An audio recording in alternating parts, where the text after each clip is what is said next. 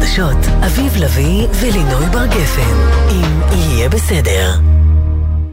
מהדורת החדשות של גלי צה"ל, מירושלים.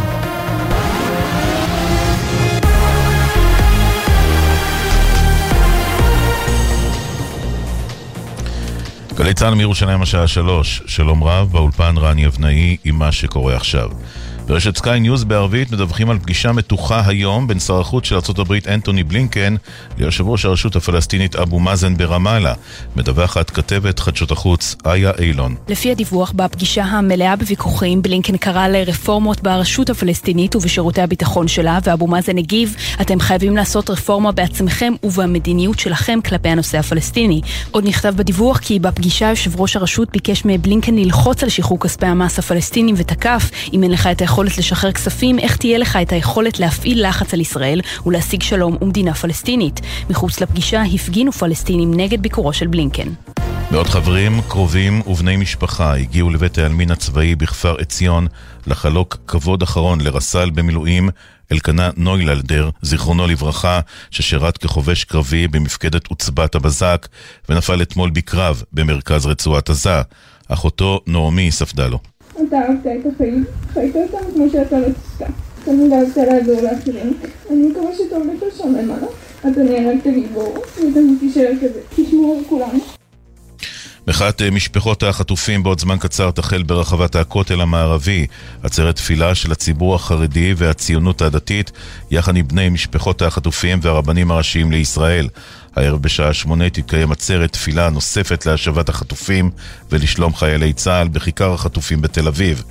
אלי אלבג, אבא של לירי החטופה בעזה, שתמונתה פורסמה בדיילי מייל הבריטי, שוחח עם יעל דן בגלי צה"ל. אני לא יכול לבטא את הרגשות שלי, אבל אני מנסה לחשוב מה הילדה שלי חושבת אה, יום-יום, דקה-דקה, שבי, ללא אוכל, ללא שום דבר אנושי. כל הסיפורים שאנחנו שומעים על אנשים שחוזרים, מה שעבר עליהם, אי אפשר לשתוק. המורדים החות'ים טוענים שתקפו באמצעות טילים בליסטיים וכלי טיס בלתי מאוישים ספינה אמריקנית שסיפקה תמיכה לישראל, כך לפי דבריהם. כך על פי הצהרת הדובר הצבאי של הארגון. עוד הוסיף הדובר כי המבצע היה תגובה ראשונית למתקפה אמריקנית שבה נהרגו עשרה מחברי הארגון והוטבעו שלוש ספינות של החות'ים לפני שבוע וחצי. הוא לא ציין מה היקף הנזק לספינה האמריקנית. אזרח ישראלי מואשם בכך שהתחזה לקצין והשיג גישה למידע מסווג מאוד אותו שיתף עם גורמים שאינם מוסמכים לכך. מדווח כתבנו בדרום רמי שני. האיש התחזה לקצין בדרגת סרן תוך ניצול חוסר הוודאות ששרר באותם ימים והצליח להשיג גישה למידע מסווג. הוא העביר את המידע לשורה של גורמים, אך נעצר לאחר שבצה"ל הוא עלה חשד כי הוא מתחזה. לפני מספר שבועות הוגש נגדו כתב אישום לבית המשפט המחוזי בבאר שבע.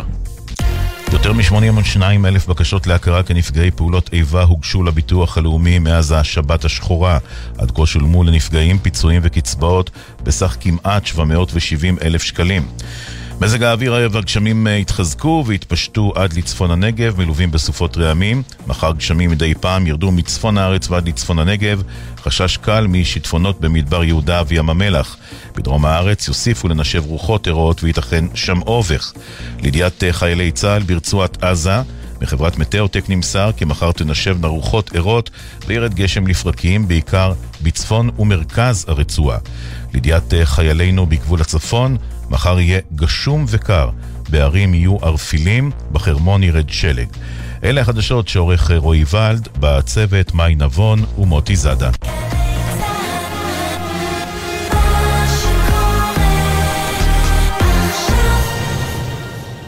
בחסות מועדון הצרכנות הוט, המציע להנדסאים, למהנדסים ולבוגרי מדעי המחשב לפתוח חשבון בבנק לאומי ולקבל מענק כספי, תור מעמלות ועוד. כוכבית 5521, כפוף לתנאי הבנק. בחסות ארקיע, המציעה מבצע קחו אוויר.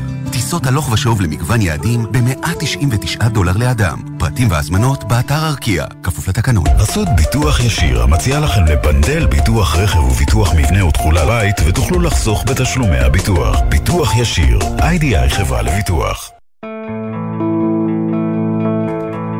ישראל במלחמה, עכשיו בגלי צה"ל, אביב לביא ולינוי בר גפן, אם יהיה בסדר. עורכת אביטל סלמון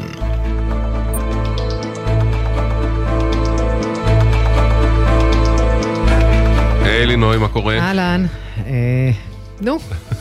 סליחה, אני יכול... אני כל שבוע שואל אותך את זה, וכל שבוע לא, אני, אני דווקא רוצה לבלוע עונה... חזרה את השאלה לא, ולנסח לא, אותה מחדש. בדרך כלל אני עונה שבסדר, כי אני באמת בסדר. אה, זאת אומרת, אה, עדיין אה, יש חציצה ביני לבין העולם, אה, אבל אה, אני מוטרדת, מוטרדת מאוד, כי אתה יודע, אנחנו נכנסים אה, למשמרת ב'. זאת אומרת, אה, כל הבעיות שיש תמיד בשלב הראשון של מלחמה, אה, מתעסקים בלשים המון אנרגיה על מה שבוער עכשיו. כשבעצם האנרגיה, רובה צריכה ללכת, בגלל שזה מסע ארוך, אה, על תכנון קדימה. אה, ואני רואה איך אה, לנגד עיניי, איך דברים שחששתי מהם קדימה, אה, באמת לא טופלו ולא תוכננו. ועכשיו, כשאנחנו נכנסים למשמרת ב', כלומר, עכשיו צריך את כל אותה תשתית שהייתה אמורה להיות uh, בהכנה בשלב א', כן. כדי להיות ערוכה לשלב ב', יוק, אין. אפשר. אפשר לנסח את זה במונחים ה- של המלחמה בעזה. אנחנו נכנסים במלחמה לשלב ג', אבל באזרחות אנחנו לא מוכנים אליו. כן. ובטח לא לד' ו... אבל אני אגיד לך משהו, אגב, בהקשר הזה, אני, אני חושב שאני מבין למה את מתכוונת, וזה אולי דברים גם שנעסוק בהם בזמן הקרוב, אבל אני אגיד לך... אה, זה... בכל אספקט אזרחי, אגב, נכון, בחינוך, נכון, בבריאות, ברווחה, הכל. אבל הנה דוגמה, עכשיו מתלהט הוויכוח בתוך הממשלה, אה, למי שעוקב ככה אחרי החדשות והודעות המשרדים, ויכוח קשה מאוד על התקציב. כן, כי נכנסו, משרד האוצר החליט, אני מניח רוחבי. שבהיגיון כלכלי במקרו, אה, שחייבים לעשות קיצוץ, כי לא להיכנס לבור כלכלי מאוד נכון. עמוק. ויש משרדים, משרדים למשל שאני עובד מולם, אני רואה את ההודעות שלהם, הן קשות מאוד, המשרד להגנת הסביבה, משרד החקלאות, שאנחנו מבינים היום כמה הוא חשוב וכמה כן. החקלאות חשוב. עכשיו, מה אני רוצה להגיד? אתמול, זה ב, ב, מתוקף התקופה שאנחנו נמצאים בה ומה מעסיק אותנו כרגע, זה די עבר מתחת לרדאר. אתמול בבוקר פורסם דוח השנתי על בזבוז המזון בישראל. דוח. של המשרד להגנת הסביבה, הבריאות ועמותת לקט ישראל. אנחנו, יותר משליש מהמזון שמיוצר ומגודל בישראל נזרק לפח. 37 אחוז. עגבנייה אחת מכל שלוש בממוצע. זה מטורף. כן. אנחנו ולא רק זורקים הירקות לפח... המכוערים, שהם טריים וטובים. בוודאי שלא, אנחנו זורקים. לפח לפי האומדן 23 מיליארד שקל בשנה. זה אגב, לדעתי, סכום... בערך חצי מהסכום הזה נזרק בשלושת החודשים הראשונים על כל האוכל שהכינו... אז זהו. לא, מה שכותבי הדוח בעצמם ציינו, ובצדק, הדוח הזה מתייחס ל-2022, הוא לא כולל את שלושת חודשי המלחמה. אה, הדוח על וואו. 23 יהיה גרוע בהרבה. כן. עכשיו, מה אני רוצה להגיד? זה לא שאפשר כזבנג וגמרנו להגיד, אוקיי, אז בואו נפסיק לזרוק אה, מזון או לבזבז מזון או להתייעל. זה לא עובד ככה. צריך תוכנית לאומית, צריך גורם מתכלל, קוראים לו ממשלה. יש מדינות, רוב המדינות בעולם הערבי הציבו יעד עד 2030 לחתוך ב-50% את בזבוז המזון.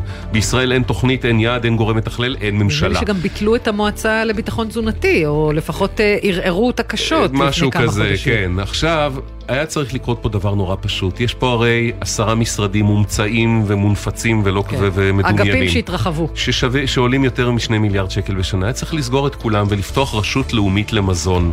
גם לטיפול בוא, בבזבוז יש הרבה המזון. דברים שרצו לעשות עם הכסף הזה. סבבה, אז הנה עוד דוגמה למשהו. עוד דוגמה למשהו, וככה לחסוך נכון. כל כך הרבה כסף. תראה, זה גם מתחבר אגיד? מאוד... אז הנה, אז ואז לא היה צריך את כל הקיצוצים ואת כל זה- המשרדים ואת זה כל הזה. מאוד מתחבר כן. ל, ל... תראה, לא תיאמנו בינינו הרי את השיחה הזו, אבל נכון. זה מאוד מתחבר לחלק הראשון של מה שאני אמרתי, מהמם. של מה קורה כשאתה לא מתכנן. עכשיו, ישראל אה, היא מדינה מאלתרת. היא מאז ומעולם אלתרה את דרכה קדימה. מעולם לא תכננה כמעט כלום ושום דבר. ו- ומה שאתה אומר הוא בדיוק תוצאה של היעדר תכנון. זאת אומרת, שלב א' עסוק, עסוק כל הזמן בלכבות את השריפות, ולא בונה קדימה כלום ושום דבר. ומה שבעיקר מבאס אותי בסיפור הזה, זה שכל כך הפנמנו את היעדר התכנון, עד שאנחנו כמעט על הגבול של מתגאים בו. המדינה המאלתרת, איך בפוקס הצלחנו, נס פח השמן, כאלה. הפכנו את זה ומגדל. לחלק מהאתוס שלנו, כן. כשזו אחת הלקונות הכי גרועות שיש, אה, שיש לנו כמדינה, כתרבות. אכן ואכן. אה, יהיה בסדר בגל"צ. יהיה בסדר, כפי שאתם מבינים. כן. זה חלק אה, מהאלתור, אנחנו הפייסבוק אופטימיות. לגמרי, זה הפייסבוק שלנו, יהיה בסדר בגל"צ או בסדר נקודה glz.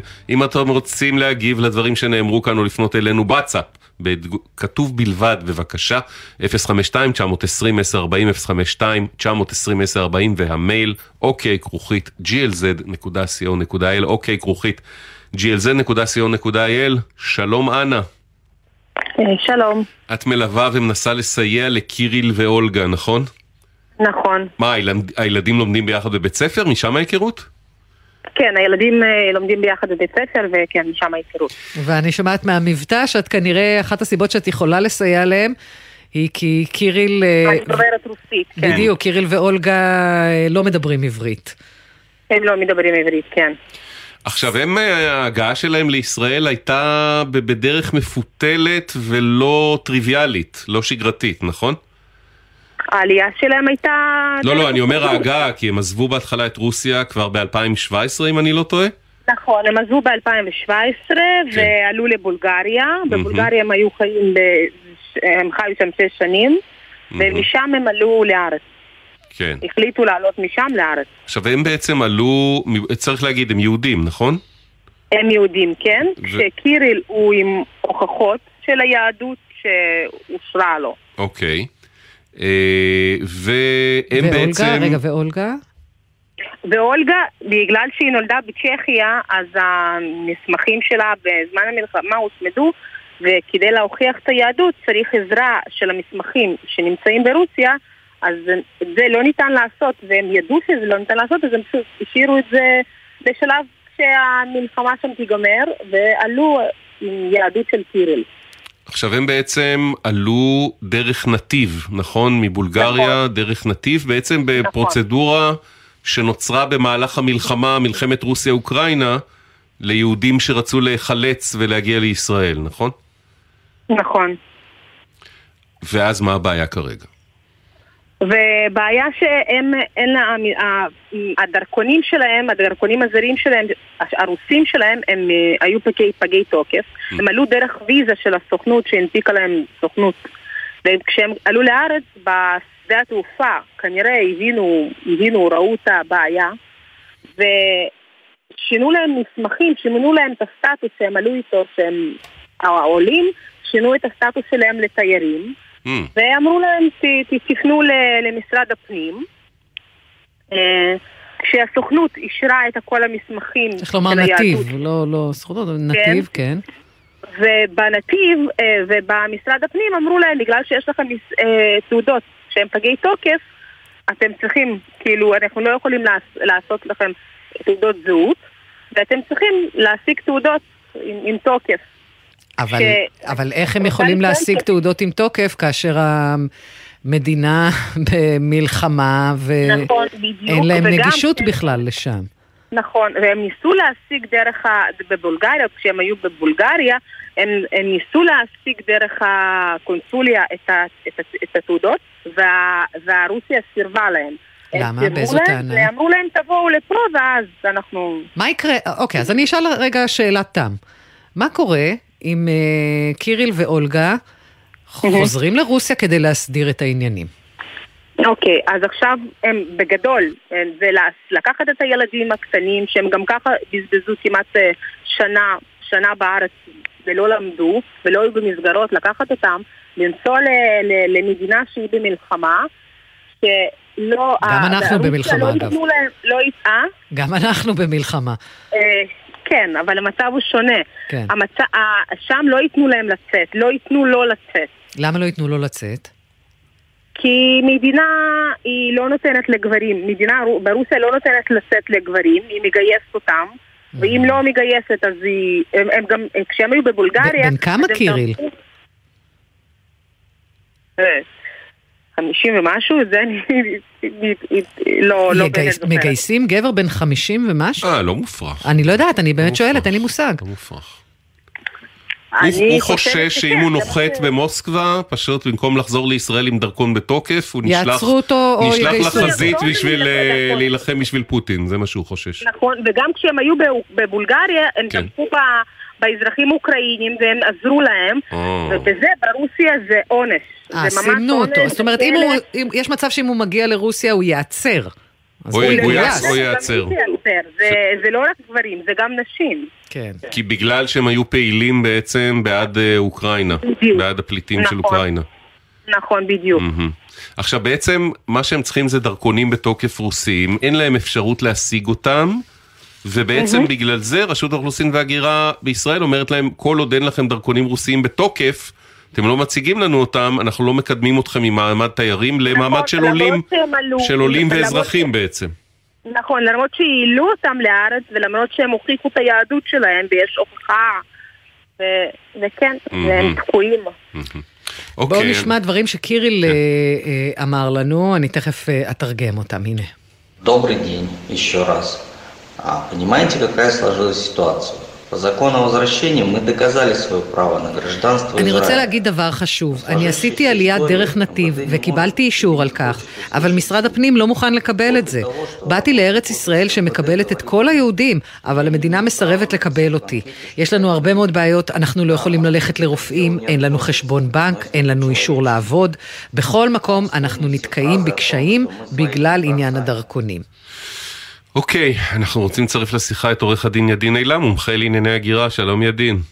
שלום, מה שלומכם? בסדר, ידין, אה, די נדיר שאנחנו נתקלים במקרה שבו אדם שאין מחלוקת על יהדותו מגיע לישראל, ואין לו איזה רקע פלילי עברייני נוראי או משהו בסגנון, מגיע לישראל ולא מצליח להתקבל כאן כעולה. יש מחלוקת על דרכונו, לא על כן. יהדותו. הסבר לנו אה, מה, מה קורה כאן בעצם. זו שאלה מעניינת, זאת אומרת, נזכיר שוב, יש שתי דרכים לעלות לישראל, דרך אחת זה להגיש בקשה במדינת המוצא, לקבל אשרת עלייה ולהגיע לישראל, דרך שנייה היא להגיע לישראל כתייר ולהגיש פה בקשה לשינוי מעמד מתייר לעולה. אנשים אה, כמו קיריל ומשפחתו שהגישו בקשה אה, דרך נתיב, בדרך כלל מגיעים לישראל עם אשרת עלייה כבר. ואם הם היו מגיעים עם אשרת עלייה, לא הייתה, הם כבר היו אזרחים, כאילו, הם כבר היו אזרחים ישראלים, זאת אומרת לא הייתה עולה שאלת הדרכון. אה, לא ברור, לי לפחות, למה אה, במקום לקבל אשרת עלייה בנתיב, נתנו להם מעין מכתב שאומר תשלימו את ההליך אה, בישראל. אולי בגלל שלא היה להם דרכון בתוקף. לא, אה, זו ללא ספק לא הסיבה, מהמם. כי אה, עולים הגיעו, במיוחד מאז תחילת המלחמה אה, באוקראינה, עולים מרוסיה ומאוקראינה הגיעו פעמים רבות בלי דרכון בכלל, להם יש דרכונים, הם רק לא בתוקף. אה, אני, נדמה לי שנאמר לי שיש גם בעיה עם תעודת, שהם לא המציאו תעודת יושר. שגם את זה הם צריכים, דורשים מהם להביא מקורית מרוסיה על התקופה, עד 2017, התקופה שבה הם חיו ברוסיה, וכאמור גם את זה הם לא יכולים להשיג כרגע ועל ברוסיה. זה יש עוד נקודה מעניינת, מכיוון שלאחר שפרצה המלחמה ועד נדמה לי אמצע 23, אה, היו הקלות לעולים מרוסיה ומאוקראינה. רגע, אני רק אפתח. סוגריים כאן ואומר, תעודת היושר שלהם היא בתוקף נכון ל-2017, המועד שבו הם עזבו את רוסיה ועברו לבולגריה. והיא חתומה נכון ל-2017, בדיוק. אין להם תעודת יושר בבולגריה- 2024, נכון. אבל רגע, אבל מה אם זה תעודת יושר מבולגריה? הרי הם זה- לא שהו ברוסיה את זה באותו אני מניח הזמן. שאין בעיה להשיג, אבל אה, זה לא מה שדורשים מהם. השאלה אם זה מה ש- דורשים זהו, מהם הם- מסמכים מרוסיה. רק. מרוסיה, אבל הם לא שהו ברוסיה בשש שנים האלה. אז לינוי, זו שאלה מצוינת ואני אגיד שני דברים. קודם כל, לענות על השאלה שלך. אה, יש לנו מקרים רבים של אנשים שלא יצאו מישראל כבר 20 שנה, ולפני 20 שנה הביאו תעודת יושר, וכשהם רוצים להתאזרח מבקשים מהם שוב תעודת יושר, וכשאנחנו שואלים, רגע, אבל הם לא יצאו מישראל 20 שנה, אומרים, כן, אבל אולי גילו בינתיים במדינה שממנה הם באו, עבירות שלא ידעו עליהם קודם. עבירות כן. שלא ידעו עליהם בעת צאתם. אבל אז, אז בעצם מה שאתה מעניין- אומר שמה שמבוקשת פה זה תעודת יושר עדכנית מרוסיה עד 2017, אבל לכאורה גם- של, שלא גם- התגלה ב-2022 ברוסיה אם הם פעם... היו אקטיב למען אוקראינה, אז יכול להיות גם שבכלל לא תהיה תעודת יושר, נכון, כי מבחינת ברור, רוסיה ברור. זו עבירה. נו, אבל אבל מלכתחילה זה זו חשוב לי הבעיה. להגיד, קודם כן. כל, אלינוי ואביב, הם הגיעו לישראל בשלישי באוקטובר 22. במועד שבו הם הגיעו לישראל, הייתה הקלה בתוקף לעולים מרוסיה שפטרה אותם מהצגת תעודת יושר. אה, אוקיי. אז לא ברור לי למה דרשו מהם תעודת יושר. אה, בנוסף, אם יש להם תעודת יושר מ-2017 מרוסיה, זה עוד יותר מגוחך שדרשו מהם תעודה חדשה. אני רק חייב לציין שלא חייבים לנסוע לרוסיה בשביל להוציא תעודת יושר. אה, זאת אומרת... אבל צריך לבוא במגע עם רשויות השלטון, ולא נראה שאלה ששות לשתף איתם פעולה. למשל, הם ניסו לחדש את הדרכון בקונסוליה או בשגרירות הרוסית בבולגריה, ולא הצליחו. סורבו. אה, אני, אין לי מושג... לא, נראה, נראה. שהרוסים לא מתים לעזור להם, נגיד ככה. אה, ברור, ואגב, בבלארוס למשל, אני לא יודע אם דיברתם על זה, יש חוק חדש שאם רוצים לחדש דרכון, חייבים לחזור לבלארוס ולחדש את הדרכון בבלארוס, ועוד כל מיני פעולות. ואם רוצים לחתום על ייפוי כוח, למשל, בבלארוס, אז זה גם אפשרי, אבל על הייפוי כוח צריך לחתום בבלארוס. אלה פעולות שנועדו להקשות בעצם. אה, זה דרך שלהם להבטיח שאנשים אה, לא יעשו יחזרו, את זה, כן. כן, בדיוק. אבל ללא ספק עניין הדרכון זה למי זה העניין המהותי ממה שאנחנו מבינים מרשות אוכלוסין, יותר מכל תעודת כן. יושר, אז מה זה בעצם הסיפור. היינו מצפים מרשות האוכלוסין אה, לעשות פה? אה, מה שהיינו מצפים מרשות האוכלוסין, כמו שאנחנו תמיד מצפים מרשות האוכלוסין, זה קודם כל ליישם את הנהלים שלה עצמה, ואם שרת הפנים באותה תקופה, איילת שקד, החליטה לפטור עולים מרוסיה מהצגת תעודת יושר, לא לעמוד על הצגת לא, תעודת אבל זה לא הסיפור, לא על יושר. זה הם עומדים, הסיפור הוא הדרכונים מבחינתי. אני לא בטוח שהסיפור הדרכונים, כי כמו שאמרתי, זה כך אנשים- בתחקירניות שלנו אה, הגיעו למסקנה הזו. אז, אז, אז שוב, כאן צריך לעשות עוד בירור נוסף, אני חושב, עם נתיב. כי מי שהגיע עם אשרת עלייה, כמו שאמרתי, לא היה צריך להציג דרכון בתוקף, כי הוא כבר הגיע עם אשרת עלייה. זה שאין להם דרכון בתוקף, זו לא הסיבה שהם לא קיבלו אשרת עלייה. אני לא יודע מה הסיבה שהם לא קיבלו אשרת עלייה. ובעצם הם נופלים כאן בין הכיסאות, כי משרד הפנים מכיל עליהם את הנוהל לשינוי מעמד מתייר לעולה בישראל, שמצריך באמת הצגת דרכון בתוקף. אגב, אבל נתיב הרי מהכיוון לא שלהם באמת. זהו, נ- אה, נתיב מהכיוון שלהם אמרו למערכת שלנו שהם קיבלו הנחיה ממשרד החוץ. מהר תעלו את כולם, נעשה המשך טיפול בארץ. אה, אה, זאת אומרת, אתם לא חייבים להתחיל לספק אשרות עלייה לפני שהבן אדם מגיע לפה, קודם כל תביאו אותם, ופה אנחנו כבר נטפל במה שצריך. ואגב, גם התגובה של רשות אוכלוסין, עומדת קצת בסתירה למה שנתיב אומרים? אומרים, היא, היא תגובה קצת סתומה וכללית, היא אומרת, אה, נהוג לא כי... ב- יכול להיות. כן. נהוג כי בקשת עלייה מוגשת על ידי המבקש בטרם הגעתו למדינת ישראל ותתבצע במדינה בה הוא שוהה.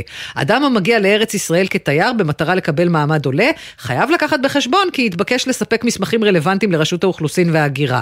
קיריל ואולגה לא סיפקו מסמכים אקוטיים אשר נדרשו מהם, אישור הבקשה מתבצע על פי נוהל מסודר והצגת המסמכים קריטית להמשך התהליך. כל זה נכון אולי לגבי מקרים, אה, לא של מדינות במלחמה. לא של אנשים שבורחים על נפשם, כן. ובוודאי ובוודאי זה- לא עומד בהלימה למה שנתיב אומרים, אמירה- שאמרו להם, חבר'ה, יש כן. עכשיו פה מצוקה קשה, תביאו את כולם, נטפל בזה כבר כשהם זו יגיעו. אמירה עקרונית שאומרת, אנחנו דורשים מאנשים את המסמכים, אז שיציגו אותם שאנחנו בעיקרון תומכים נו, בזה, זה אבל בסדר, זה לא אבל זה לא רלוונטי. למקרה הספציפי. אנחנו אחרי התגובה הזאת, צריך להגיד, המשכנו את הדיאלוג עם רשות אוכלוסין, הערנו את תשומת ליבם לייחודיות, לספציפיות, לצירוף הנסיבות הדי חריג שקרה פה, אה, בודקים את הדברים. אנחנו מאוד מקווים שהבדיקה הנוספת והבירורים הנוספים שעושים מאחורי הקלעים כרגע יביאו לתוצאות ויביאו לשינוי ולזה שלא ידרשו מקיריל לחזור לרוסיה אה, ולהסתכן גם או בכלייה או, במה, או, ב, או בגיוס. לא ברור אגב מה יותר גרוע, אה, ואנחנו נעקוב ונהיה בקשר, אה, אנה איתך ועם קיריל ואולגה, בסדר? תודה רבה, תודה אה, רבה. ונקווה שיהיו בשורות אה, טובות בזמן הקרוב, אנחנו ממש לא בטוחים בזה, אבל אנחנו מקווים ומאמינים. עורך הדין ידין אילם, תודה כרגיל. כן, להתראות בשמחות. תודה. ביי ביי. תודה, להתראות. עכשיו... זה חמוד שהוא אמר להתראות בשמחות, כי תמיד כשידין מגיע לשידור, זה זה. לא אירוע משמח. זאת אומרת, זה לא על רקע של אירוע משמח, אנחנו שמחים לארח אותו, אבל לגמרי. עוד לא קרה שקראנו לו בגלל שיש מסיבה. היום אירוע, אנחנו משיקים פינה, שימו לב. פינת הטסטים של אורי. אני רוצה, אני רוצה מכונית, אני רוצה... אהלן אורי. אני היו. מה? מה זה? מלא זמן לא נפגשנו, הרבה זמן לא דיברנו. אה, לא- לא האמנת שתהיה פינה על שמך, זו הפעם אה? הכמה שאנחנו מדברים?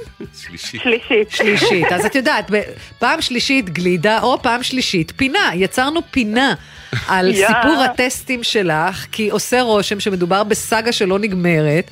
שתחילתה... אה, נגיד ככה, פעם ראשונה שדיברנו, סיפרת לנו ש... על ה-GPS אה, שקרס. 30 שניות אחרי שהתחיל הטסט שלך באזור בחיפה, נכון? אה, כן. בגלל המיסוכים של צה"ל וזה, ה-GPS של הבוחן קרס, והטסט הופסק, הנה היה אז. אני הגעתי לטסט, טסט ראשון שלי, באתי בהתרגשות שיא, והתחלתי את המבחן, אחרי בערך 30 שניות, הבוחן אומר לי, תעצרי פה בצד. לא הבנתי למה, אבל אני הייתי, הייתי בטוחה שנכשלתי, זהו, הוא עוסק עם הטאבלט, הוא מתקשר למישהו שיעזור, ואז הוא אומר לי, טוב, אני מתקשר למורה שלך, תקבעו טסט חדש. אין GPS, באסה. אז uh, משרד התחבורה אז אמרו לנו, עובדים על זה, יהיה פתרון, יהיה בסדר, uh, uh, לא לדאוג. ואז את אה, חיכית בסבלנות כמה, שבועיים, שלושה, נכון? אהה. קבעת טסט חדש, באת מלאת אופטימיות ונמרצת לטסט מספר 2, וזה מה שקרה. וואי, היה מזעזע. עוד פעם, הטאבלט לא עובד. אני יושבת, והוא כאילו מנסה, עוד פעם, הוא מכבה את הטאבלט והוא מנסה להיכנס. בסוף אה, הוא, הוא מתקשר לאיזו צמיחה טכנית, ומסתבר שגם הטסט של, אה, של התלמידה לפניי, הוא בעצם היה עשר דקות כי הוא איבד קליטה. אז הוא אומר לי כזה, טוב, אז אנחנו חוזרים בחזרה, עוד פעם אה, המערכת לא עובדת. אני מתחילה לבכות, ואני אומרת לו, לא, לא, בוא נתקדם קצת. אז לא זה היה היה, אז זו הייתה הפעם השנייה. ואז הבטיחו לנו שוב שיהיה בסדר. זאת אומרת, האמת כבר הפסיקו להבטיח הבטחות, אבל אמרו... אבל זה... האמנו שהברק, אוקיי, לפעמים הברק מכה פעמיים, אבל שלוש פעמים, לא יכול מקום. להיות. אז לא להיות. תור לעוד טסט. ומה קרה? אה, נכנסנו לאוטו, עוד פעם, אני ואותו תלמידה, כן. ולפני הטסט היא בודקת רגע, רגע השנייה, בטלפון. השנייה אבל היא שוב ושוב כי היא נכשלת פשוט, או כי גם לה הטסטים לא, נפסלים? גם לה. גם לה לא היה. אה, אוקיי. אוקיי, אוקיי. כאילו, נכנסנו לאוטו, אני הייתי אמורה להתחיל את הטסט הזה, גם הטסט היה נורא נחמד, שזה חבל. והיא נכנסת רגע לטלפון, לראות רגע מה שלום ה-GPS, היא אומרת לי, אורית, תקשיבי, אני בביירות. אז אמרתי, או-או, זה כבר לא סימן טוב. ואפרת כאילו אמרה גם לבוחן, בוא שנייה, לפני שאנחנו מתחילים את כל הסיבובים וזה, תבדוק רגע פה במגרש שיש GPS. והוא מנסה, והוא אומר לה, לא, תקשיבי, לא עובד. ואז היא אומרת לו, אה אה, והיא נכנסת. לאוטו, ואנחנו מתחילים לעשות סיבובים בכל מיני תחנות דלק וזה, גם למצוא קליטה. אנחנו לא, לא מוצאים. וזהו, החזיר אותנו לבית ספר. פעם שלישית. אמן. פעם שלישית. תקשיבי, המקרה שלך, יש הרבה אנשים אה, נכשלים בשלושה טסטים. במקרה שלך, משרד התחבורה נכשל בשלושה טסטים. מה, כל- זה השמיים נכשלו בטסטים שלה. לא, השמיים, לא, השמיים, צה"ל עושה מה שהוא צריך כנראה מסיבות טובות. הציפייה שלנו ממשרד התחבורה נורא ברורה במקרה הזה, הרי עד לפני כמה... תעברו לידני, בחייאת עד לפני. כמה שנים הבוחן לא היה דבר כזה נתן בכלל. מסלול, הוא קבע וזה. נכון. עכשיו מסיבות, יכול להיות סיבות טובות, עשו רפורמה, הכל אה, הייטק, הכל ב-GPSים והכל בטאבלטים, בסדר. אבל תנו לזמן המלחמה, אתם רואים שזה קורה שוב ושוב ושוב. אגב, צריך לומר, Mm. הפיד אה, פייסבוק שלי מלא באנשים שגילו שהם בביירות, בקהיר, כן, בדמשק, כן. במגוון מקומות, לא רק בחיפה, גם במקומות אחרים מת בישראל. לדעת איך זה לעשות טסט בדמשק. אה, בקיצור, אז אה, אנחנו אומרים. משרד התחבורה, אם זה חוזר על עצמו שוב ושוב ושוב, תנו הנחיה חריגה. שאומרת, מורה לנהיגה, בוחן יקר, נפל ה-GPS תעבור והטאבלט, למניואל. תעבור למניואל, תעבור לידני. כמו לא- ששנים מה עשית יקרה? את זה, אגב. בדיוק, אלה הרי בוחנים? שהיו עוד לפני הרפורמה. ומשרד התחבורה מסרב. עכשיו הטענה, אם אני מבין נכון, שמשרד התחבורה, אגב, הם לא מגיבים לנו, לא מתקשרים איתנו, לא עונים לנו, אין עם מי לדבר. כמו ה-GPS.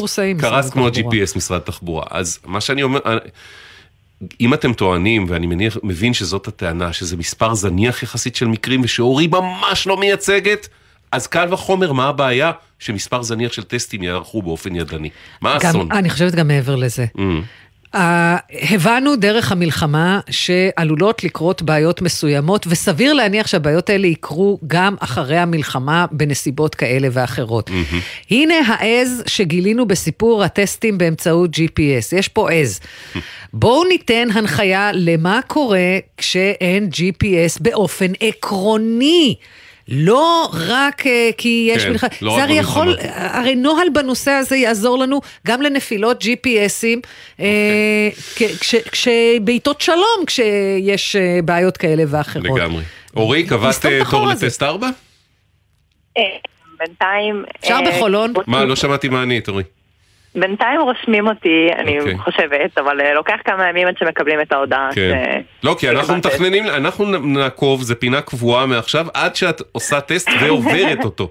זאת אומרת, וואו, אני בשל- גם ממש את גם זהו, את גם לא יכולה, במידה וה-GPS יעבוד, את לא יכולה להיכשל. את לא יכולה. בדיוק, זהו. אני ממש ישבתי באוטו, וגם. אפרת אומרת לי, אפרת אומרת לי, אורי, את לא יכולה, הם מחכים לך ברדיו. כי את מבינה שאנחנו נעשה אפשר פינות, גם לתעד את זה. נתעד את הכישלונות של משרד התחבורה בטסטים, את לא יכולה מהצד ואחרי זה את. הכישלונות שלך, אז לא, אה, לא, את באלק. חייבת להיות מושלמת בזה, כי די, אי אפשר. אגב, את ממשיכה באמת בשיעורים אה, כדי כן, ברור, ל- אין לשמור ברירה, אני כושר? לא עושה... אין ברירה, אני לא עושה, אבל... אה, כשהיא תעלה על הכביש, היא. תהיה הנהגת הכי מושלת לא, אבל אתה בישראל. קולט שזה בעצם גם עולה לה. מלא כסף. השיעורים, מלא כסף. ברור, כן. ברור, ברור. חרם. ואת זה אף אחד לא יחזיר לך, בטח לא משרד התחבורה. אורי, אבל אנחנו נמשיך לעקוב, נתראה, הטסט הבא אז יהיה בערך עוד שלושה שבועות כזה, נכון? כן, כי לאף אחד לא. אכפת. כן, אז אנחנו נמשיך לעקוב. ואם נשמע קודם משרד התחבורה נעדכן, בסדר? תודה. יאללה, תודה אורי, ביי ביי. ביי. ביי. שלום, אה, גיל. אהלן, גיל. הלו? היי גיל, מה שלומך? מי באופן אישי? בסדר גמור. בסדר גמור. קצת צרוד? לא הכל תלוי, ב- אה, מעט, לא הכל אה, תלוי במנוי לתיאטרון באר שבע, מה שנקרא. אבל ענייננו, אבל הוא על ראש שמחתנו היום. בדיוק. רעייתך ואתה פוניתם, אה, פוניתם מביתכם אה, במועצה אזורית אשכול לאילת. נכון. מה שקצת יקשה. עליכם להגיע לתיאטרון באר שבע. טיפה. אוקיי, אז החלטתם לבטל את המנוי. נכון. ואיך זה התגלגל לסאגה שבגללה אנחנו פה בשידור? כן, האמת היא שבאמת, אה, בסך הכל מקרה כביכול היה אמור להיות מאוד פשוט ולא היינו אמורים להגיע לשידור. זאת אומרת, אני בהחלט שמעתי אייטמים האחרים שלכם נשמעים בהחלט מעניינים יותר. וכן, ביקשנו פשוט לבטל את המנוי. דיברנו על זה פעם ראשונה באוקטובר, פעם נוספת בנובמבר. ניסיתי להסביר שמאילת בטח לא נגיע לתיאטרון באר שבע. ואז נאמר לי שמכיוון שאתה גמלאי הסתדרות המורים, עשית את המנוי דרך הסתדרות המורים. נאמר לך על ידי תיאטרון באר שבע. תיאטרון באר שבע, ולכן הנוהל הוא קצת יותר מורכב. אוקיי. אה, ניסו מעט להלאות אותי בסידור אה, שבינם לבין הסתדרות המורים, שאני לא לחלוטין אמור להבין אותו, וגם לא הבנתי, ולא ירדתי לסוף, ה... לסוף מה שנקרא... כי זה לא רלוונטי. בכלל לעניין. לא, כל מה שהם לא, צריכים להגיד ממש לך לא. זה, חבר, בדיוק. הכתובת שלך היא הסתדרות המורים, הם עשו את המנוי, שהם יבטלו את המנוי. נכון, אז התקשרנו להסתדרות המורים. ומשם זה בצורה מאוד קלאסית, יש מה שנקרא שתי אינסטנציות, יש הסתדרות המורים בתיאטרון באר שבע, כאשר כל אחד מפנה אותי בתורו אה, לקודם, שבעצם אה, הסתדרות המורים לא, אנחנו נותנים להם אישור והם יבטלו את המנוי. אנחנו מתקשרים ל... אוקיי, אבל הם העבירו אישור כזה? הם טענו שהם העבירו אישור כזה? אה, תראי, בשלבים היותר מאוחרים הם אמרו, כל אחד טען שהשני לא יודע את הנוהל והשני לא יודע מה באמת צריך לעשות. מה רלוונטי הנוהל לעניינך? תפתרו ביניכם את הבעיות, אבל ההסתדרות אה, היא זו שצריכה... מה- איך אפילו בתיאטרון אפשר ליפול בין נכון. הכיסאות. הם עשו הצגה. עשו הצגה. נכון, גם כשכיסאות ממש צפופים אפשר ליפול בין הכיסאות, נכון לגמרי. ואנחנו ככה, אני מוצא את עצמי בעשרות שיחות טלפון, פעם לך, כשעונים לי, כן, כמובן, הרי מן הסתם יודעים שבארץ לא כל שיחה נענית. ואז אני מוצא את עצמי, אני ובגלל גם את אשתי, מנסים, אפילו מנסים איכשהו לתפוס את שניהם במקביל, שזה דבר כמעט בלתי אפשרי, כי הסבירות לכזה דבר היא די אפשרית. תגיד, גיל, אנחנו מדברים זה, זה מנוי לא זול בכלל. זה נכון? אלף- מדברים על כמה הרבה זה? לא, תראה, הוא מנוי לא יקר, 1,050 שקל, אנחנו מנויים, לא, לא, אני לא משווה אותו לתיאטראות אחרים, אין לי טע- טענות ל- לא, למחיר המנוי. בתיאטרון באר שבע, אני אומר, כשלעצמו זה סכום משמעותי, זה לא שאתה פה התרוצצת על איזה 20 שקל ו-40 אגורות. לא, אה, ממש לא. אני חייב להגיד לציין Mm. למשל שהיה לנו גם אה, הצגה מוזמנת לשמיני לאוקטובר, למשל, יום אחרי. המלחמה בבימה. איזה עיתוי. אה, פנינו אליהם, והם ללא שום קושי, פשוט החזירו לנו את הכסף, בלי בכלל, אה, אתה יודע, שהיה שקוף עבורנו, זה פשוט חזר לכרטיס אשראי וזהו. כן. טוב, אנחנו פנינו להסתדרות המורים, כי כן, בסוף הם, באמת אה, זה הם הכתובת. הם הכתובת לעניין, והם אומרים, החבר קיבל זיכוי הבוקר, אנחנו מתנצלים על משך הטיפול בפנייה ועל אי הנוחות שנגרמה לפונה. בעקבות המקרה חודדו נוהלי המענה והמעקב אחר פניות. הזיכוי כבר אה, התקבל, כן? גיל? לא, הם אוקיי. התקשרו לפני בערך... אולי אה, בליל שעה העשרים. וחצי. אמרו- בדיוק, הם אמרו לפני שעה וחצי, והם אמרו שזה ייקח בערך שבועיים מהיום. אה, אוקיי. בסדר, אבל אם... אבל אני- הם כבר על זה. כן, אנחנו מניחים כן, ומאמינים שזה יקרה. כן, בוא נגיד הדבר היחיד שמצער שצריך להגיע עד יהיה בסדר. זאת אומרת, הייתי יכול לצפות שדבר כזה, במיוחד במהלך מלחמה, ו- ו- שאנחנו עסוקים בעוד כמה דברים פרט לביטול תיאטרון עכשיו, יכולתי לצפות שזה יקרה קצת יותר מהר, בצורה מעט יותר פשוטה, כן. בלי שאני אזדקק לעשרות שיחות טלפון והמתנות ותקליטורים ומענים... גיל, מענה- אנחנו שמחים שזה יסתייע, ולא נותר לנו אלא לאחל שתחזרו לצפות בתיאטרון. בקרוב. וליהנות. תודה. רבה. ביי ביי גיל. להתראות. להתראות, ביי. דקה 26 ונחזור. אתם מאזינים לגלי צה"ל.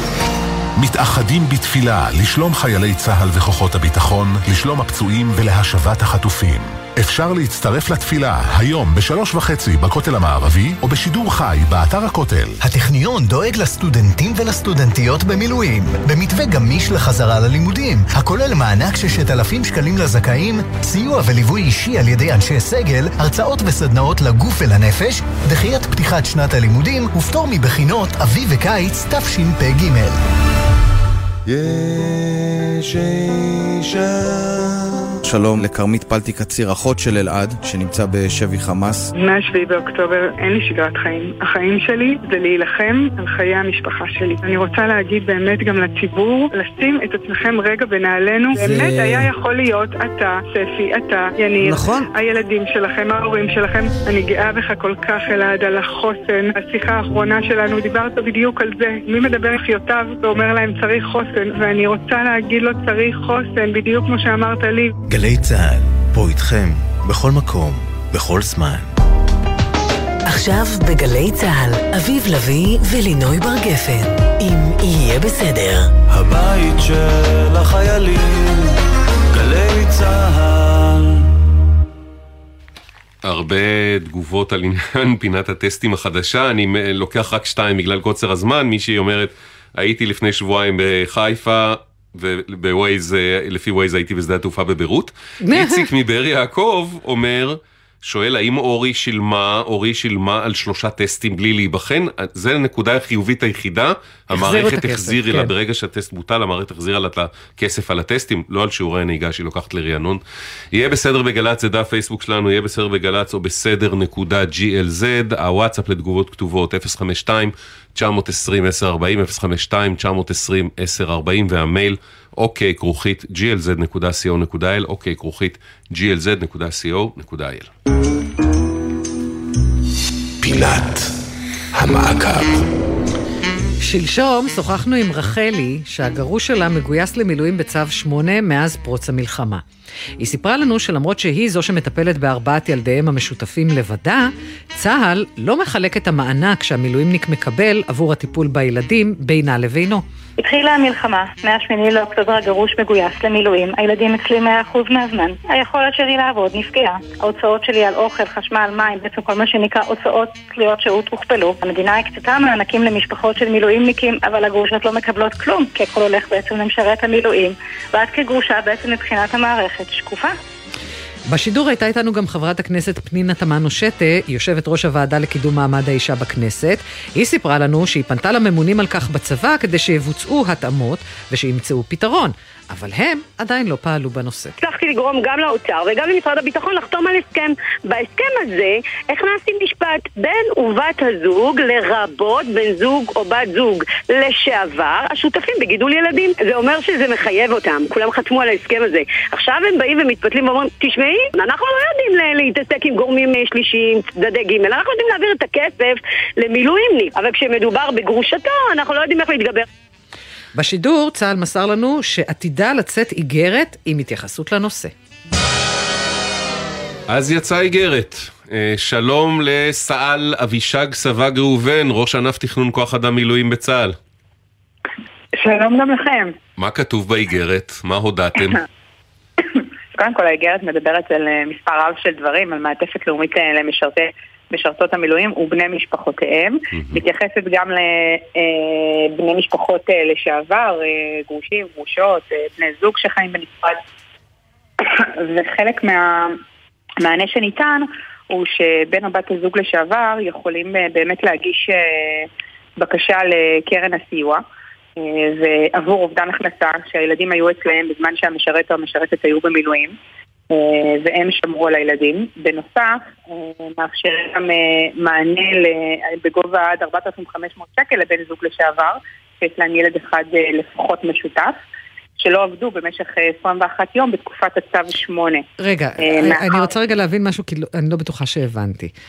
כאשר אה, מישהי כמו רחלי פונה לאותה קרן סיוע ואומרת, אה, חברים, אני אה, גרושתו של כך וכך, אני זו שמטפלת בילדים, הוא עדיין במילואים. האם בעצם היא תקבל סכום כסף שהוא נפרד ממה שמקבל הגרוש, או שחותכים לגרוש חלק מהסכום ומפקיעים לא, אותו אליה? אז אני אדייק ואסביר. קודם כל, יש פה זכויות שמוקנות למשרת מעצם היותו משרת במילואים. נכון. אותם, אותם הוא מקבל לחשבון הבנק שלו. אה, מאחר ואנחנו הבנו עם העומס ומה שקורה אה, עם המשרתים וההתפתחות של העומס והמאמץ וזה שבעורף באמת אה, אה, היו צריכים להחזיק חזק בכל התקופה הזאת, אז הבנו שיש צורך גם לפתוח את זה לנשים שהן אה, נשואות לשעבר או שבנות זוג לשעבר.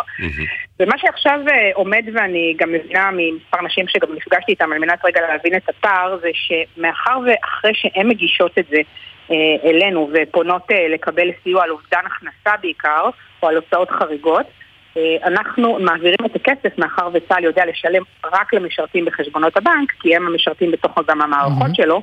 אה, ומדי פעם גם יש אה, משרתי מילואים שנישאו גם בשנית שגם אה, בת הזוג הנוכחית תובעת אז אנחנו צריכים שנייה רגע לסדר את המערכת שלנו שתהיה לנו אפשרות אה, להעביר את הכסף לא למשרת כי לפעמים יש מקרים והצלחתם שהמשרת לא לסדר את זה? כי- כי אני לא מבין ממה שתיארת קודם. כרגע, כן. כרגע מאיפה שזה עומד, אז קודם כל, כן. מה שקרה זה שקודם כל אפשרנו לבצע את, את התביעה. הדבר הזה נפתח, אפשר להגיש את זה, זה באתר, זה לא היה לפני, זה אחד.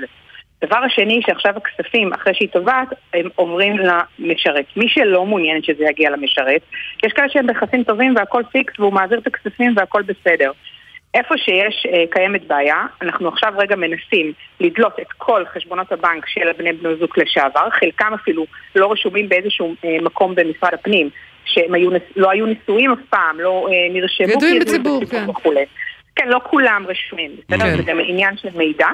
כן. אה, וזה לוקח זמן. אז מה שאמרנו להם זה שהזכות והכסף כרגע אה, עוברת, התביעה שלהם עוברת לתוך חשבון הבנק של המשרת. אם הם לא רוצים שזה יעבור לחשבון הבנק של המשרת, יצטרכו להמתין שהכסף, נוכל להעביר להם אותם אחרי שנפתור אה, רגע את עניין העברת המידע. אבל אה, סהל אבישג, אני, אני קצת מוטרד ממה שאת אומרת, תכף אה, נשמע גם מה רחלי חושבת, אבל, אה, אבל אני מוטרד כי בעצם המילואימניק מקבל חלק, ברור שתגמול המילואים, שזה החלף משכורת שלו, זה שלו. אבל הוא מקבל מענקים שחלקם מענקי משפחה בהגדרה.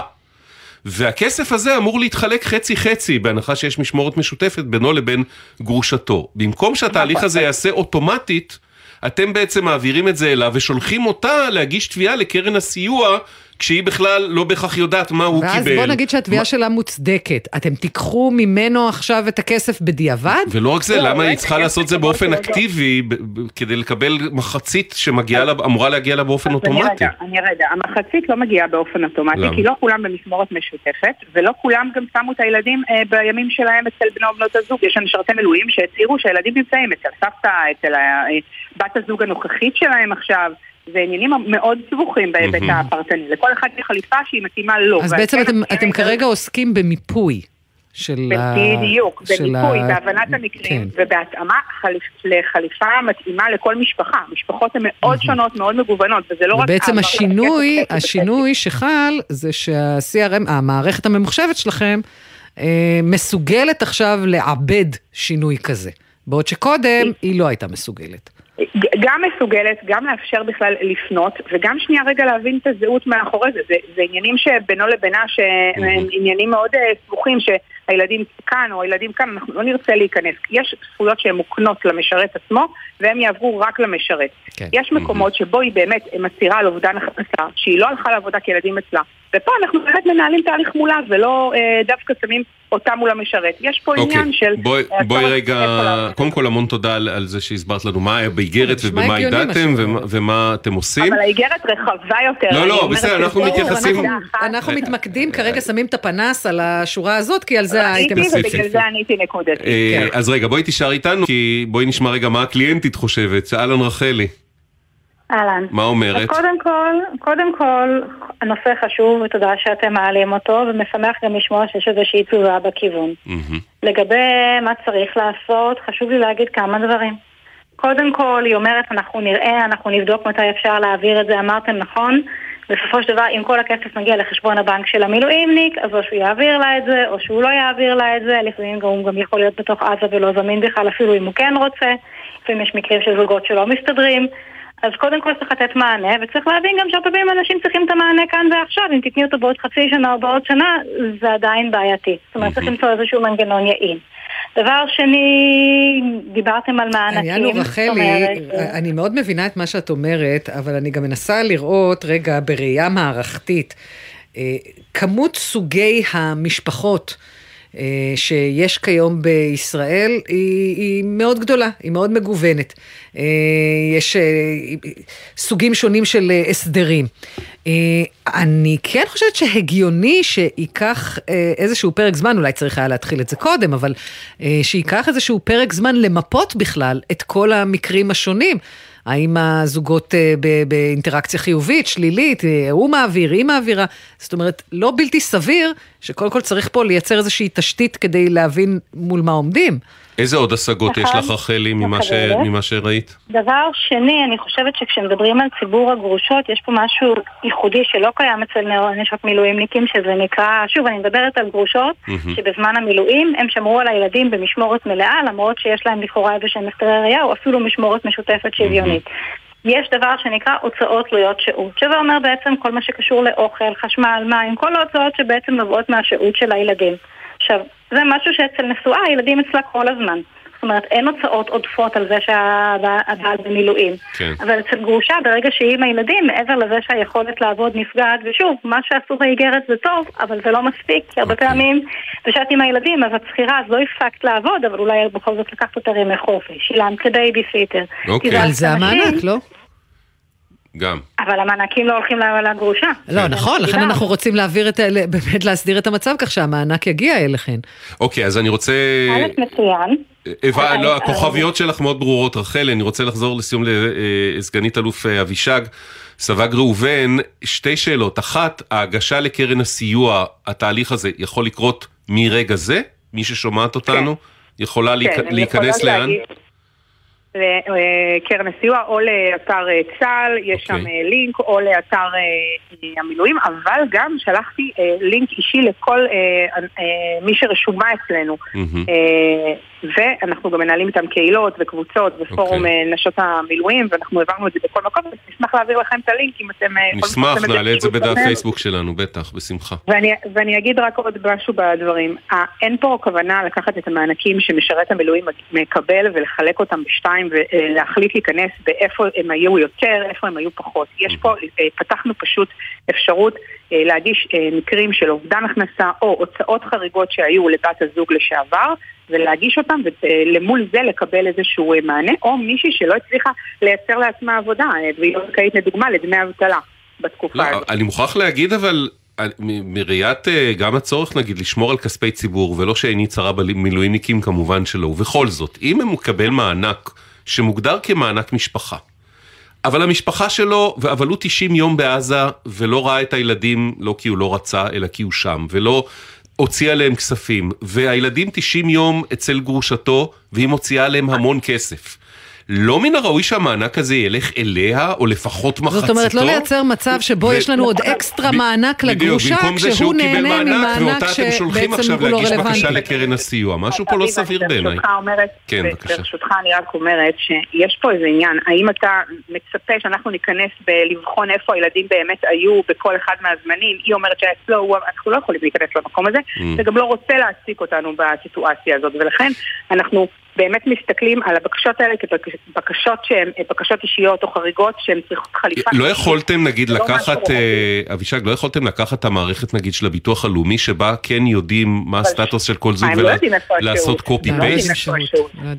הם לא יודעים שהות. מערכת הביטוח הלאומי יודעת מי גרוש ומי לא. היא לא יודעת משמורת, היא לא יודעת הסכמים בין אחד לשני. היא. לא יודעת האם בהסכם טוב, של פה מישהו אפשר יש... כן אה, תצהיר של עורך דין, אבל אה, בסדר. טוב, אוקיי. זה אבל... אה, דווקא תהליך הרבה יותר מסובך. כן. אנחנו פתחנו תהליך שהוא יותר קצר, הוא והוא בהחלט משרת את, ה, את, ה, את אה, אותן גרושות, אבל שוב, זה כספי ציבור בסוף. אנחנו בגלל לא, דברים ו- כאלה לא מעוניינים להכפיל את הסכומים, קצב- היה לשים את הכסף הזה על מטרות אה, שאלה גם טובות באיזה אחרות. קצב הוא ישרת, כי הן צריכות, הן גם כבר את זה חודשיים עכשיו, שלושה אה, מ- משלמות ואוכלות את זה. אני, אה, אני יכולה להגיד לך שאנחנו עוסקים בזה יום-יום, וככל שנצליח, אוקיי. ואני מקווה שזה יהיה באמת בזמן הקרוב, אנחנו אה, נמצא את הפתרון איך להעביר למי שזכאית ופנתה אלינו את הכסף אליה לחשבון הבנק. הדבר עלה גם דרכנו, גם זה לא רק תלוי בצה"ל, זה עבודה אוקיי. עם עוד משרדי ממשלה. זה- אה, זה- מה שמדאיג אותי, זה מה שמדאיג אותי. כן. אה, סגנית אלוף אבישג סבג ראובן. ראש ענף תכנון כוח אדם מילואים, אנחנו ממש מודים לך על הדברים וההעברות האלה. רחלי, תודה רבה, אנחנו נמשיך לעקוב תודה ולהיות רבה בקשר. לכל הנשים של העורף וגם לגברים. תודה רבה לשתיכן. תודה. עניין אחר עכשיו, שלום זוהר. שלום ואחר הצהריים טובים, לינוי ואביב. אמ, אתה נכה צה"ל, לא מהמלחמה הזו. נכון. לא, לא, לא, כבר שנים רבות, נכה צה"ל, 70 אחוז, אה, גרוש, גם אני משלם מזונות. כן. אה, וגם עם בת זוג נוכחית. ועם בת זוג נוכחית, זוגיות שנייה. אה, החלטנו למסד את מערכת היחסים שלנו, לבנות בית ביחד, לבוא לגור בו, עשינו הסכם חיים משותפים, צוואות, ייפויי כוח מתמשכים, והעברתי את זה כמו כל... אוי, איזה אה, יופי שעשיתם ייפוי כוח מתמשך. זה כן, חשוב הכל. הכל, מקצה לקצה. והעברתי את זה כמו כל אה, חייל טוב, והעברתי את זה למשרד הביטחון, להורים שלי, כאילו, אה, משרד השיקום, אגף השיקום. כן. אה, ואמרו לי, אה, יופי, מזל טוב ראשית, על אה, זה שאתם עוברים לגור ביחד, ובואו קודם כל ניקח לך רבע מהקצבה שלך. יש לך עכשיו בת זוג, אתה כבר לא גרוש. אה, ואמרתי, אויץ', כואב, אבל בואו אה, נמשיך הלאה. רכשנו בית, יש לנו עורך דין מסור, גיא בישבסקי. כל אה, מסתבר שלנכה צה"ל מגיע פעמיים בחיים לקבל אה, השתתפות, או בעצם מס רכישה מופחת כן. מהדירה שהוא אגב, קונה. אני אגלה לך בסוד, זה לא הטבה שמגיעה רק לנכי צה"ל, זה גם אה, בנכים כלליים, החל מרמת נכות מסוימת, מקבלים 80% הנחה במס רכישה. ההטבה שאני נכון. זהו, מעולם לא משלמים קיבלתי חצי לצערי. אחוז, משהו בסגנון, כן. אז כן. מותר פעם אחרי, פעמיים בחיים. העורך דין שלנו אמר, חברים, בשמחה, בואו נגיש שומה אה, לך ולנוגה, זוגתי, על אה, אה, רכישה חדשה. פנינו למיסוי, אגף מיסוי מקרקעין, ונתנו לנו שומה, אממה, לנוגה לא מגיעה הנחה, כי אנחנו לא נשואים. רגע, אבל אתם קונים את הבית ביחד, אז אם אתה קונה, אתה נמנה ביחד. עם קוני הבית, אתה לא מקבל את מלוא ההנחה? אנחנו, אה, לא, אתה, זה חצי חצי, ואני הנכה מקבל חצי אחוז, וזוגתי, אה, במידה ואנחנו נשואים, אתה מקבל חצי אחוז על. 50 אחוז משווי הבית בעצם. בדיוק, בדיוק.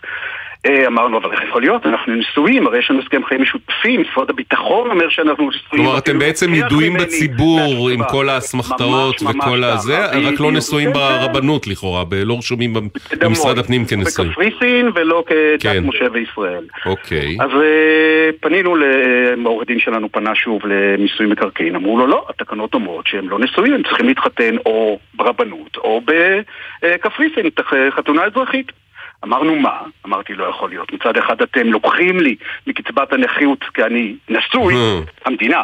מעניין. ומצד שני אתם גם לא נותנים לי את הפטור לזוגתי שהיא אשתי בעצם לכל דבר ועניין מבחינת אה, משרד הביטחון. אמרתי לא יכול להיות, אמרו לי זה מה יש. אמרתי טוב, אני מכיר, צופה, מאזין הדוק של אה, יהיה בסדר, פניתי. אוקיי. עכשיו, רק נגיד, זוהר, זוהר, ש- מזיזת ש- הערים. זוהר, שחצי אחוז, זה נשמע כאילו מעט, אבל חצי אחוז מבית נו, זה, זה הרבה, זה עשרות שווה אלפי כסף, שקלים. לא? זה עשרות אלפי שקלים, כן, זה כמעט תלוי 40 בה, אלף שקל במקרה הבית. שלכם.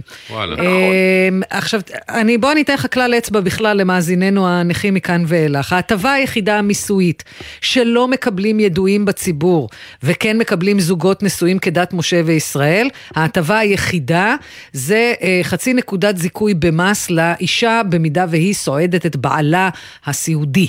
אה, כל השאר ידועים בציבור נחשבים כנשואים לכל דבר ועניין ואמורים לקבל את כל ההטבות המיסויות. היו אמורים להגיד לזוהר שאין בעיה, ו- נכון, ונוגה תקבל ולכן כמוהו. מאוד מוזר לי הסיפור הזה. אוקיי. אה, רשות המיסים אומרת, ככלל, הטבת מס רכישה לה זכאים בין היתר נכי צה"ל חלה גם על בן או בת זוג ידוע בציבור של הזכאי להטבה. במקרה של זוהר ונוגה, נעשתה טעות נקודתית. בעקבות פנייתכם, נציג רשות המיסים שוחח עם עורך דינו של זוהר והביע את התנצלותנו. השומה תוקנה, ובנוסף, חודדו ההנחיות במשרד. תודה לכם שהסבתם את תשומת ליבנו למקרה. אז קודם כל, זוהר, קיבלת כבר את התשובה הזאת? את ה- את השינוי? אה, קיבלתי את התשובה גם משירה שלכם המדהימה וגם מהעורך דין שלי שפנה חזר אליי היום וסיפר לי גם בשמחה אוקיי. ואני מאוד, דרך אגב, אני חייב להגיד, אני כבר, אם שלב התודות הגיע אז, גם כמובן לשירה שהיא באמת מזיזה ערים, התוכנית שלכם באמת עושה פלאי פלאים, לאגף רישוי מקרקעין, שלא זרקו אותנו, אתה יודע, מיד מכל המדרגות, אלא בסוף הסתכלו, חזרו, עשו 180 מעלות ואמרו, כן, אתה צודק. אני שמחה בשבילך שלכם זה. הצליח, לי זה לא הצליח, אני בסוף נאלצתי לשלם את כל המס. וואלה? כן. אוקיי. כן. ואני מקווה לך, 80,000 אולי זו סנונית שקל. ראשונה. סנדלרית הולכת יחפה. כן, זה המון המון כסף. מצד שני, הטראומה מזה גרמה לי להקים חברה למיצוי זכויות, אתה יודע, אז לא, אה, בסוף יצאנו מזה אני רק בסדר. רוצה להגיד, אבל קודם כל אנחנו שמחים ו- ובאמת אה, שזה יסתדר והכל. יש לי תהייה, אני מקווה שאני לא פסימי מדי, שאומרים שזו תקלה נקודתית, כי יש לנו את ההתכ- את הכתובות איתכם, זוהר, שאתם שלחתם לנו, אתה עורך הדין, שממש נאמרים דברים מפורשים בהמשך לשיחתנו הטלפונית. לעניין רוכשים, יש לשים לב כי לפי זה תקנה בהתקיים תנאי מהותי על נכון, בני זוג אפילו שיש פסק נשואים. ואילו בשומה זו מדובר בידועים בציבור, כאילו יש פה מישהו שכתב, לא ניכנס לשיימינג מי זה הפקיד הספציפי, זה לא משנה, אבל שכתב משהו מאוד מנומק, לא באיזה היסח הדעת וענה בטלפון משהו שהוא לא ידע, שטען אחרת. אוקיי, רשות, אנחנו מקווים, יש להם פה בקיצור חידוד מהותי של הנהלים שצריך להתרחש. ו- זה ו- מקצה לקצה, ולא כן, רק אני. לגמרי, לגמרי, בתקווה שאחרים לא ייפגעו ולא ידעו אולי שאלה לא זכויותיהם ולא יעשו את הדבר הנכון כמוך ויעמדו על, על זה, ש- לממש את זה. יופי, זוהר, אה, שיהיה לכם... אח- רגע, אה, אה, מותר לשאול איפה הבית? איפה אתם קונים? במושב, בעמק חפר. קנינו, אנחנו משפצים. וואלה. אה, אתם כבר, רגע, כבר נכנסתם? לא, לא, לא, משפצים. יש מלחמה, הכל, אה, אני עושה מילואים, זה לא כל כך פשוט. אה, וואו. אבל אה, בסוף בסוף ניכנס. בשעה טובה שיהיה, אה, ודבר איתנו אם יהיו לא- בעיות עם לא- טופס לא- 4. לא פספסת את זה שהוא נכה צה"ל 70% ועושה מילואים. יפה. נכון. אה, אה, כן, זה- אפשרי. כן. זוהר. תלוי בנכות, ושיהיה לכולנו, אה, שיחזרו כולם הביתה מהר. כל השבויים שלנו וכל הפצועים שלנו, ושננצח. אמן. זוהר, תודה רבה. בהצלחה בבית אין בעד החדש. מה. ביי תודה ביי. לשניכם, תודה. בשמחה. ולשירה. ביי. ולצוות, לעורכת אביטל סלמון, לתחקירניות תמרה דהן, גליה זרה ושירה אפרת, לטכנאית יסמין שהבר. אמרתי את זה נכון, יסמין? יש. אה, עורך הדיגיטל, מתן קסלמן, יהיה בסדר בגל"צ, זה דף פייסבוק שלנו, יהיה בסדר בגל"צ או בסדר נקודה glz, הוואטסאפ שלנו, אה, בכתב בלבד, בבקשה, 052-920-1040, 052-920-1040. אז אתה יודע מה, אם אנחנו כבר על הקשקש, אני אגיד, מה? אתה זוכר שהתעסקנו בשבועות האחרונים הרבה מאוד בוועדת הניידות, אנשים חיכו בתור אה, אה, המון זמן, כן, כי ועדות הניידות. השביתו וכולי. וכולם התחילו לקבל תורים חוץ ממך. וכן, נו. קיבלתי היום תור. יש. הללויה. סוף סוף, גם לסנדלרית יש אה, נעליים, סנדלים. כפכפים, כן. אה, אחלה, שיהיה שם בהצלחה בוועדה. תודה. אנחנו נהיה פה ביום ראשון בשלוש, נעמי ואנוכי. להתראות. עד אז שיהיה רק שקט. ביי ביי. נטע אחיטוב, סליחה, שבוע הבא, ימים ראשון עד שלישי, נטע אחיטוב תגיש איתי, ואת תהיי איתי ביום רביעי. נעמי בחופשה. ביי ביי.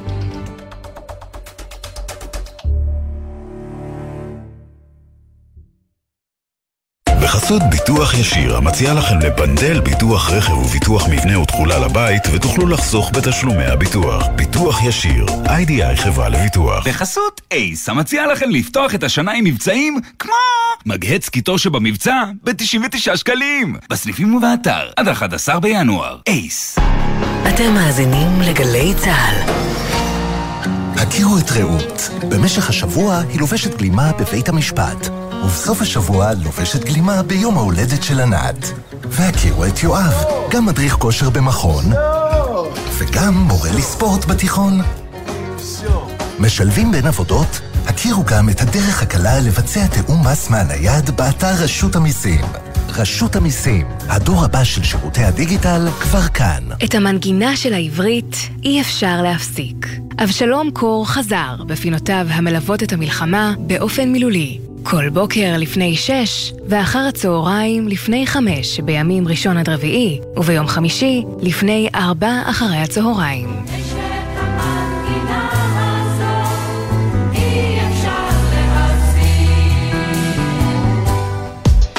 מיד אחרי החדשות